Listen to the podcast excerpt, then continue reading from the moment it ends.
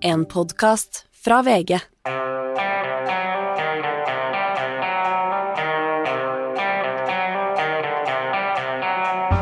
Søndag går Ungarn til urnene i det som beskrives som et skjebnevalg. VGs leder- og kommentaravdeling har vært noen dager i hovedstaden Budapest for å finne ut hva som skjer, og i dag har vi Ungarn spesial her i Giæver og gjengen torsdag den 31. mars. Uh, ja, igjen fra, fra Anders Giævers uh, private suite på Visjon hotell i, uh, i Budapest. Eh, Klassisk suite etter østeuropeisk standard, får vi vel si, reiseleder Hans Petter Sjøli. Ja, og siden jeg er reiseleder, så må jeg si at min suite er større enn den her. Eh, Ikke sant, For dette er egentlig et ganske vanlig hotell. Men veldig fint eh, hotell vi bor på, det skal jeg si. Det er helt nytt, og det er, de, de er veldig profesjonelle og, ja, og veldig moderne, ikke minst. Nettopp, og det ligger da rett ut mot, mot Donau, mellom to av de flotte, flotte broene. og sånn, jeg må jo si, Hans Petter, nå har jeg i, eh, siden 2010 eh, lest om, hørt om eh, hvordan, hvordan president Orban tar stadig skritt nærmere diktaturet. Det, det blir mer og mer eh, autoritært. Han strammer grepet. eh, han har forlatt de, de demokratiske prinsippene som eh, som gjenoppsto i, i Øst-Europa etter at uh, muren falt og Sovjetunionen klappa sammen. Og så kommer jeg hit, og så er det liksom uh, Det er masse valgplakater for masse forskjellige uh, partier. Vi var i parlamentet på, på onsdag, der var det unge demonstranter utafor med sånne Anonymous-masker, eller sånn var vel strengt tatt Salvador Dali de hadde på maskene, og de krevde fortgang i digitalisering. og og kritiserte regjeringen. Og, og, på TV her så er det jo CNN og, og, BBC og sånn en del av pakka. Jeg har liksom ikke følelsen at jeg er i en autoritær stat fra 30-tallet sånn rett før det bikker over. Nei, og, men vi er, for det første er vi jo i Budapest, som er en liberal, liberal øy eh, i Ungarn. En veldig flott, stor by med lange eh, europeiske tradisjoner. Det er en del av en, en, en imperial by. Og, og i Budapest så, så er jo ikke Urban spesielt populær. Det er her oppos opposisjonen har sine, sitt eh, hovedkvarter. Det er her de, de er sterkest. Eh, og de kommer til å vinne Budapest. Eh, men altså, det er vel det som kanskje vi har lært Anders, er, er vel at eh, urbanismen da, er en ganske sånn eh, krypende autoritarianisme. Det, det er ikke noe sånn at du Det er ikke, med, med, det er ikke Russland, det er ikke, det er ikke, en, det er ikke sånn at det går inn Det er ikke bøller i gatene. ikke sant? Så det, så det er veldig sånn De forgifter ikke opposisjonelle. De gjør ikke det. og det, du, du, det, De har da sånn angrepet demokratiet og eller tatt, tatt mer og mer makt til sitt da, ved, ved, ved sub, sånne subtile lovendringer og sånne ting. Så det er, det, det er mer sånn det her systemet er enn et sånt klassisk autoritært system. Men vi får jo det inntrykket at at eh, når du kommer til offentligheten når du kommer til alle de plakatene vi ser, også, så domineres det jo av Fides, da, partiet til Orban. og Det er ikke noe tvil om at det, det er han som har, får mest plass overalt i offentligheten.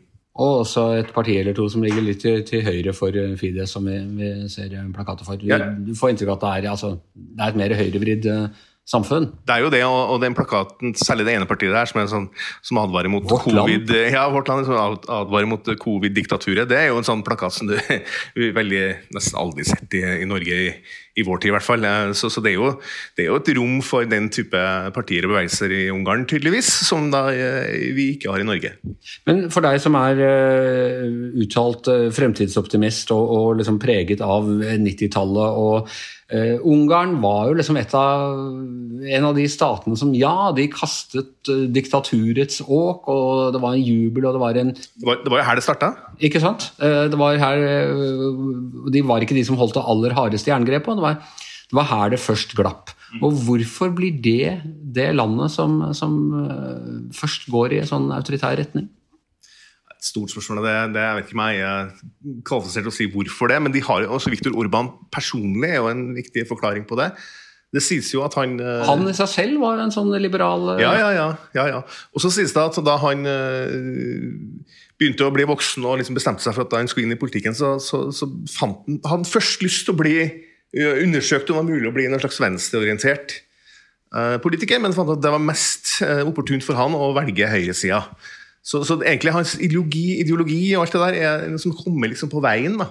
Først Hans uttalte mål i starten var at han ville ha makt, og det har han jo eh, skaffa seg mer og mer av. da. Eh, så at Urban som eh, person er jo, er åpenbart eh, veldig viktig. Men så er det jo litt rart, da, han har jo orientert seg liksom mot Russland. Og det er jo et land, eh, Ungarn, som jo har blitt invadert av eh, Sovjetunionen flere ganger, og, eller, av, og hatt Russland som fiende. Så, så, det er jo litt sånn merkelig hvorfor eh, hvorfor Urban og hans prosjekt har fått så stort gjennomslag også. Eh, og det har jo, Vi har vært på flere møter med, med mange her nede. og det er liksom, Jeg syns kanskje at de er litt vanskelig å forklare hvorfor uh, Urban har fått så stort gjennomslag. og Han har jo to tredjedels flertall i parlamentet. Hvordan det har gått uh, til, da, bortsett fra selvfølgelig at han kontrollerer media, kontrollerer uh, han kasta ut frie universiteter. ikke sant? Så, det, er jo, det, er jo, det, er jo, en slags indoktrinering av, av folket etter hvert. da. Men det jo, jeg syns jo det er trist. Særlig når vi er i Budapest, som er så Det fins nesten ikke en mer europeisk by. sant? Det, er at de da har havna i en situasjon som nå Man blir litt sånn melankolsk når man går rusler rundt her nede, for, for, det kunne jo ha blitt så mye uh, bedre, eller i hvert fall mer, mer, sånn i vår retning da, i årene som gikk etter uh, murens fall. Ja, uh, Hanne, nå har Vi jo snakket med, vi har snakket med representanter for, for ytringsfrihetsorganisasjoner, for alternative partier, journalister.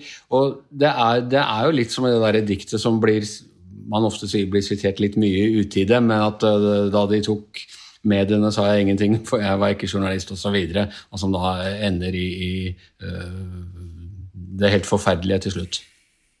Ja, og her uh, er det jo bit for bit for bit har de dekonstruert deler av demokratiet sitt med presse, med domstoler. Det har vært en Hvordan har de gjort det med presse, f.eks.? Med mediene? Dette har vært skritt for skritt. De har jo I utgangspunktet så kan hvem som helst starte avis her. Og en av de vi møtte der, fortalte hvordan da de hadde prøvd å lage en sånn medielov, litt sånn til russisk modell, for 10-11 år siden. Og så ble det internasjonalt kjemperamaskrik, og det gikk ikke. Og istedenfor så har de da For dette regimet driver jo også og bygger opp sine egne oligarker. Det er ikke korrupsjon i klassisk forstand med at eh, næringslivsfolk betaler politikerne. Det er politiske systemer som bygger opp oligarkene sine. Og så kjøpte oligarkene opp ganske mange av disse mediene. Veldig mange av dem. Eh, og så ga de på et tidspunkt alt til en, eh, en oligark som på en måte kontrollerer det hele. Punkt én. Punkt to så er jo disse mediene veldig avhengig av annonsekroner. Veldig mye av det er statlige annonser. De uavhengige får ingenting.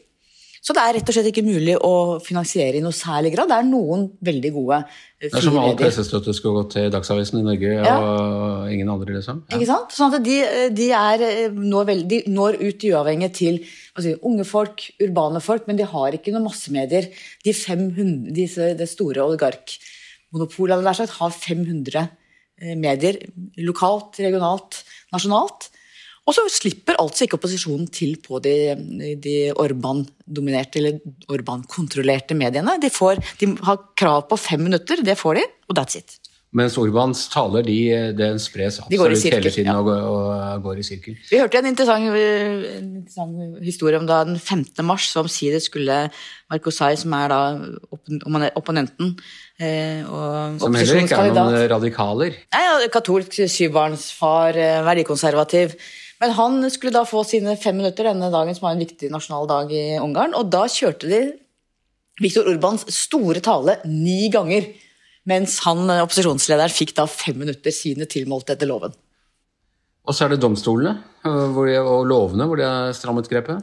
Ja, Det er kanskje det mest alvorlige, for det som særpreger et demokrati, er jo rettsstaten. Lov og rett. Likhet for loven. At domstolene faktisk fungerer. Eh, og i og med at det er som Hans Petter var inne på, det er jo to tredjedels flertall i parlamentet. Det betyr at de har nok til å endre Grunnloven. Så det de har gjort, de jo, Da de tok over, så hadde de jo eh, Det er jo en konstitusjonsdomstol her som på en måte skal prøve grunnlovsmessigheten i ulike lover. Men det de har gjort da, eh, hvis, i begynnelsen, hvis eh, grunnlovsdomstolen overprøvde noen av vedtakene, så bare vedtok parlamentet med to tredjedels flertall nye lover. Og så prøvde de på et tidspunkt også å sette inn nye dommere på sjefsdommere, dommere for, for, domstolene rundt omkring. Men så oppdaget de at selv om du får en som administrerer retten, er sjef i, i domstolen, til å være, eller får en Orban-tilhenger der, så betyr jo ikke det at alle de andre dommerne som er ansatt ved den som jobber ved domstolen, følger Orban. Nei, de følger loven. 3000 dommere i dette landet har da hele veien fulgt loven, fulgt, hatt integritet, fulgt sine ting. Um, Sånn at det har eh, også vært litt vanskelig for dem, men de har bytta ut underveis. og for den konstitusjonsdomstolen, som var opprinnelig folk med integritet, der har jo gjennom disse 10-12 årene med Orban folk sluttet, så nå har de kontroll også der. Og det kanskje største problemet er at du er veldig vanskelig å snu igjen de endringene som er foretatt med to tredjedels flertall, for veldig mye av dette må reverseres med nye grunnlovsendringer med to tredjedels flertall, og det er nær umulig å se for seg at opposisjonen noen gang skal få her. Og så har du siste poenget, påtalemyndigheten hvor de også har fått satt inn sin kandidat i topposisjonen. Eh, som på en måte hva skal jeg si, Statsadvokaten, statsadvokaten eller Riksadvokaten. Ja. Eh, og vedkommende, ny eh, øverste for påtalemyndigheten, må uh, utnevnes med to tredjedels flertall i parlamentet. Og det kommer ikke til å få, så den som sitter nå, som er Orbans uh, utvalgte, blir sittende til det blir en ny. Og det, Enten så blir det en med, fra Orban med to tredjedeler, så blir det, hvis opposisjonen vinner nå, så har allikevel Orban så mange av sine folk i så mange ulike eh, viktige posisjoner. Konkurransetilsynet, eh, kontroll med mediene, alle disse stedene sitter nå Orban-folk sementert inn. Og så ligger altså øh, Dette er et av de, de, landene som har grenser mot Ukraina. Så kjører vi fire timer nord, øh, nordøstover, blir det vel, så, så, er vi ved grensen til Ukraina. Det, er, det har vært en, en, stor ungarsk minoritet i, i Ukraina. og da krigen brøt ut, så var det altså Urban er jo av de europeiske statsledere som har vært mest venner med Putin, Astrid, og mange trodde at eh, nå var han om ikke ferdig, så ville dette bli eh, tungt for han. Men nå er det ting som tyder på at han kanskje håndterer dette bedre enn mange trodde. Ja, Det var det vi trodde i den vestlige mediebobla vår, kanskje. Eh, fordi alle andre høyrepopulister som ligna på Orban, de skjemtes jo og begynte å prøve å fjerne og få bort eh, det bildet av vennskapet de har hatt med Putin ikke sant, i Italia og i Frankrike. Så det var ikke bra for dem. Men eh, her er det litt mer sånn delt, virker det sånn. Viktor Orban har jo vært venn med Putin, men samtidig så har han ikke helt tydeligvis visst helt hvordan han skulle reagere på den krigen. Eh, de første ukene var stille, men så støtta han jo sanksjonene eh, som EU eh, gikk inn for sammen. Men samtidig så rapporterer ikke ungarsk media om det her. sånn at Befolkninga vet ikke helt hvor han står. Og så måtte han jo forandre på det der antimigrasjonspolitikken sin. ikke sant? Nå tar jo Ungarn imot flyktninger, og nå er det lov til å kalle dem flyktninger. I åra ja, som har gått, så var det kun migranter. Altså, ja, ulovlige migranter, til og med. Ja, ja, ja når de kom fra Syria osv. Men plutselig så tar de imot det er ingen som vet hvor mange det er, men det er sikkert antageligvis flere hundre tusen som har samla seg her òg, på, på, på, togstasjonene i Budapest og altså langs grensa, som er på 135 km. Eh, og der altså bor en stor eh, minoritet på innsida av Ukraina som er ungarsk eh, kulturelt eller etnisk. da. Um, men eh, ja, de tas imot. Plutselig så får de komme uten noe viderverdigheter, men jeg tror eh, det er sivilsamfunnet som har stilt opp for dem. Det er vanlige folk, det er kommuner som har måttet komme med mat og hjelpe dem og huse dem, mens eh, myndighetene har gjort det ganske dårlig. Vi har snakka med folk her som fortalte at de har vært på togstasjonen sjøl, hjulpet til.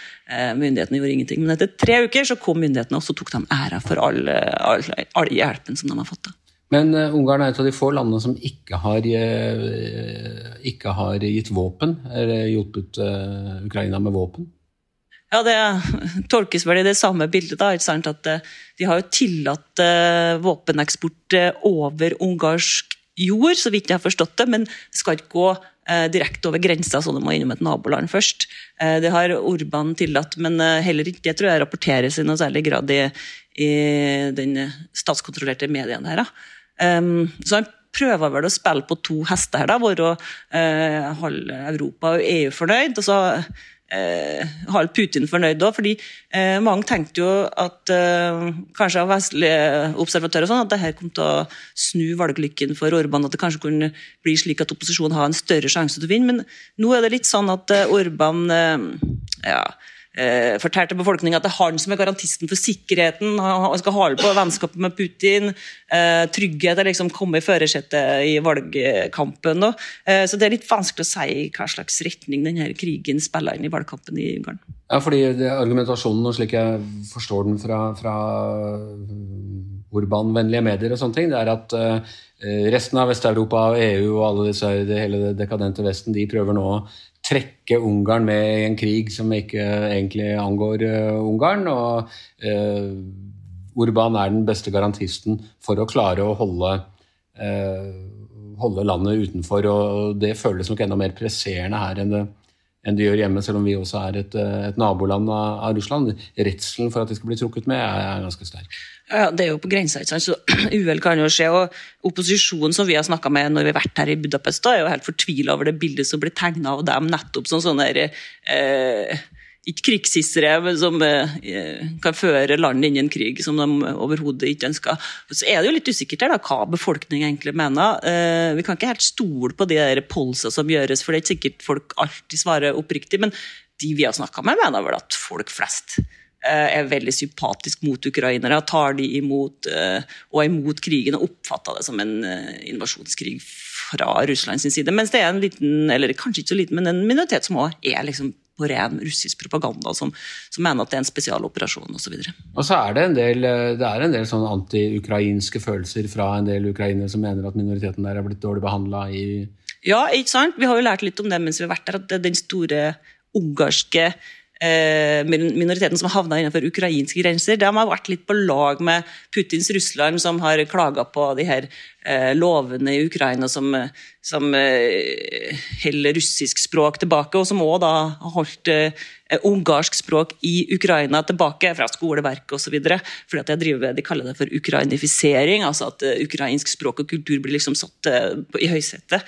Eh, så der, der, har de vært eh, litt enige. Jeg vet ikke helt eh, i hvor grad de blir, i stor grad de blir diskriminert, for jeg helt klart snakker språket sitt. Men det kan hende at ukrainsk har vært prioritert høyere i skoleverket enn minoritetsspråk. Og på søndag så er det altså valg, Per Olav. og Eh, nå har, nå har eh, Urban sittet ved makten lenge, og det er jo, du har jo en liksom regjeringsslitasje og sånn. Men det har ikke vært lett å stille et alternativ på beina? Nei, men eh, nå har de jo, som du sier, han har jo styrt i tolv år. Og det ble jo en lærdom for opposisjonen at skal vi ha noen som helst mulighet for å vinne, så må vi slå oss sammen. Eh, vi må, vi må, forene våre krefter, fordi det har vært en veldig splittet opposisjon. Eh, og de har, ikke klart å, å, utgjøre noen eh, egentlig utfordrer til, til Fidesz, og, som er da partiet til Orban. Um, nå, har de gjort, nå har de klart det, og det har vært en lang prosess egentlig for å få det til. Um, det er seks partier som da spenner fra uh, ytre høyre til langt ut på venstresiden? Ja, Det er rett og slett Jobbik-partiet som liksom var uh, nynazisten her for noen år siden. Men nå er, nå er, det liksom greit å ha med dem i Ja, så har, vi, så har nok Jobbik også gjennomgått en del endring. Altså De har vært gjennom en prosess, de også. Så de har forandret seg. Og uh, det er, det er åpenbart at det er veldig store spenninger her. Det eneste de egentlig er enige om, er at man trenger et skifte. Altså Dette er et Eh, du kan godt si at det er en folkeavstemning for eller mot Orban. Det er det det egentlig er. Eh, og så eh, er det en del saker som forener denne opposisjonen. Det er bl.a. dette med kamp, kamp mot korrupsjon. Og det er kamp mot dette systemet som baserer seg så veldig mye på lojalitet, da, som, som han og andre her har snakket om. Men vi har også, det er jo noen her som vi har snakket med, som har ment at de egentlig eh, at de, Til og med at en del folk som er mot Urban, vil stemme på Urban. fordi det de er redd for, er at nå en sånn litt håpløs koalisjon skal vinne. Gå på snørra etter eh, et par måneder, og så vil Urban framstå som sånn. Da må han komme tilbake og, eh, redde nasjonen. Nå har han Han er kjørt landet beinhardt mot og jeg vet om vi kan si konkurs, men i hvert fall han vil få store problemer eh, med, med, å fortsette. Og mange mener at han heller bør steke i sitt eget fett, og at prosjektet hans bør kollapse for at man skal bli kvitt det, heller enn å la noen andre komme inn og ta skylda sånn eh, rett før de krasjer i fjellveggen. Ja, og, det er veldig interessant, fordi de er jo uh, En side av dette her er jo også, som ikke har nevnt, er jo at uh, Ungarn mer enn nesten noe annet land er veldig avhengig av energi fra Russland, altså gass, da, men også olje. Uh, jeg tror det er 70 det de, av gassen de får fra, Ja, energi i det hele tatt, atomkraft. Ja, og Russland hjelper de med å bygge atomkraftverk osv. De er veldig avhengig av Russland på akkurat de områdene der. Eh, så det er klart, eh, Men samtidig så har eh, i forkant av dette valget for Selv om dette med Ukraina-krigen selvsagt nå spiller en rolle for veldig mange velgere, enten man mener det ene eller det andre i forhold til det, men den økonomiske situasjonen er nok også det som tynger veldig, og som er ganske avgjørende og viktig for svært mange velgere.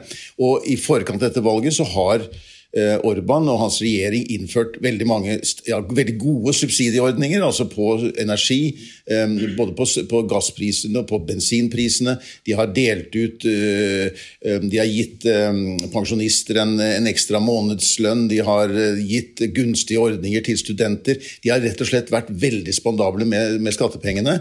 Og alle forstår at dette er ikke bærekraftig, for den ungarske statskassa begynner å bli ganske bunnskrapt. Og den, de som vinner dette valget, enten det er eh, Orban eller opposisjonen, vil måtte eh, ta grep etter valget. Eh, så Det er jo det som en del tenker, at nå har han gjort så mye for å klare å vinne enda en gang at han er nødt til å bli, ta grep og straffes for det etterpå. Og da, og da vil velgerne se og det vil bli et sannhetens øyeblikk for velgerne. Så får vi se.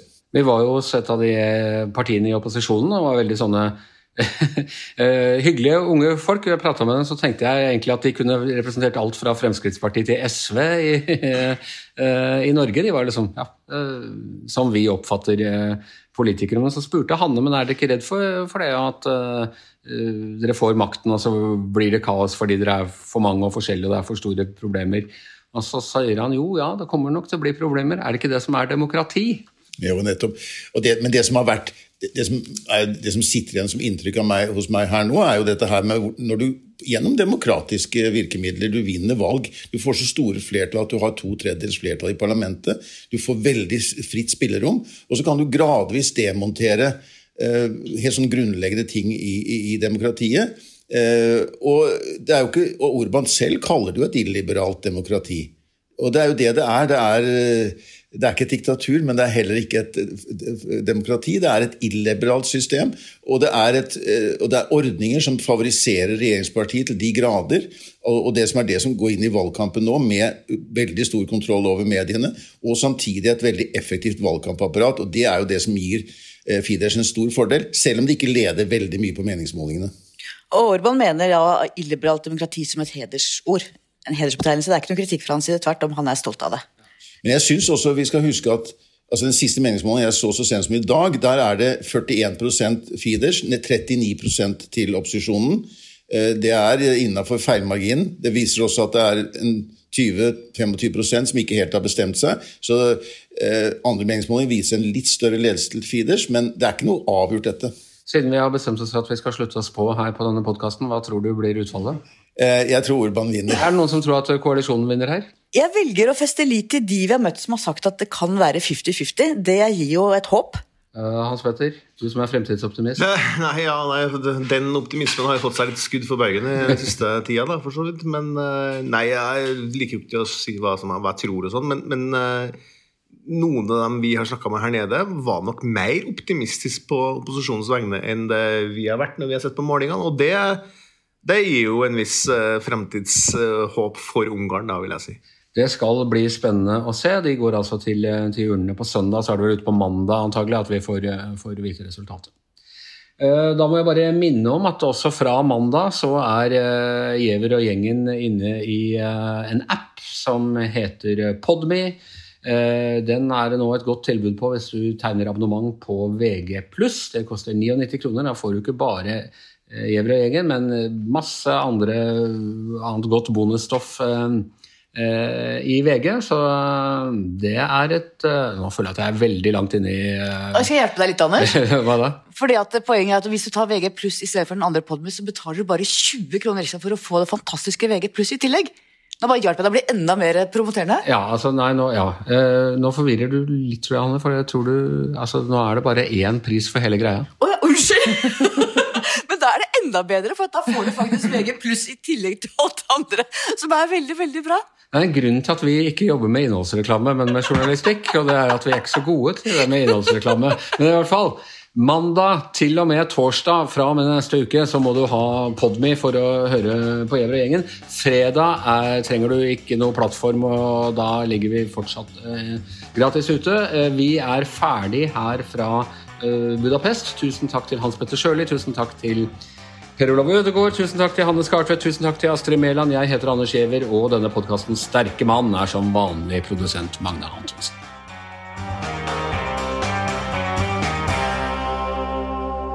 Du har hørt en podkast fra VG. Ansvarlig redaktør, Gard Steiro.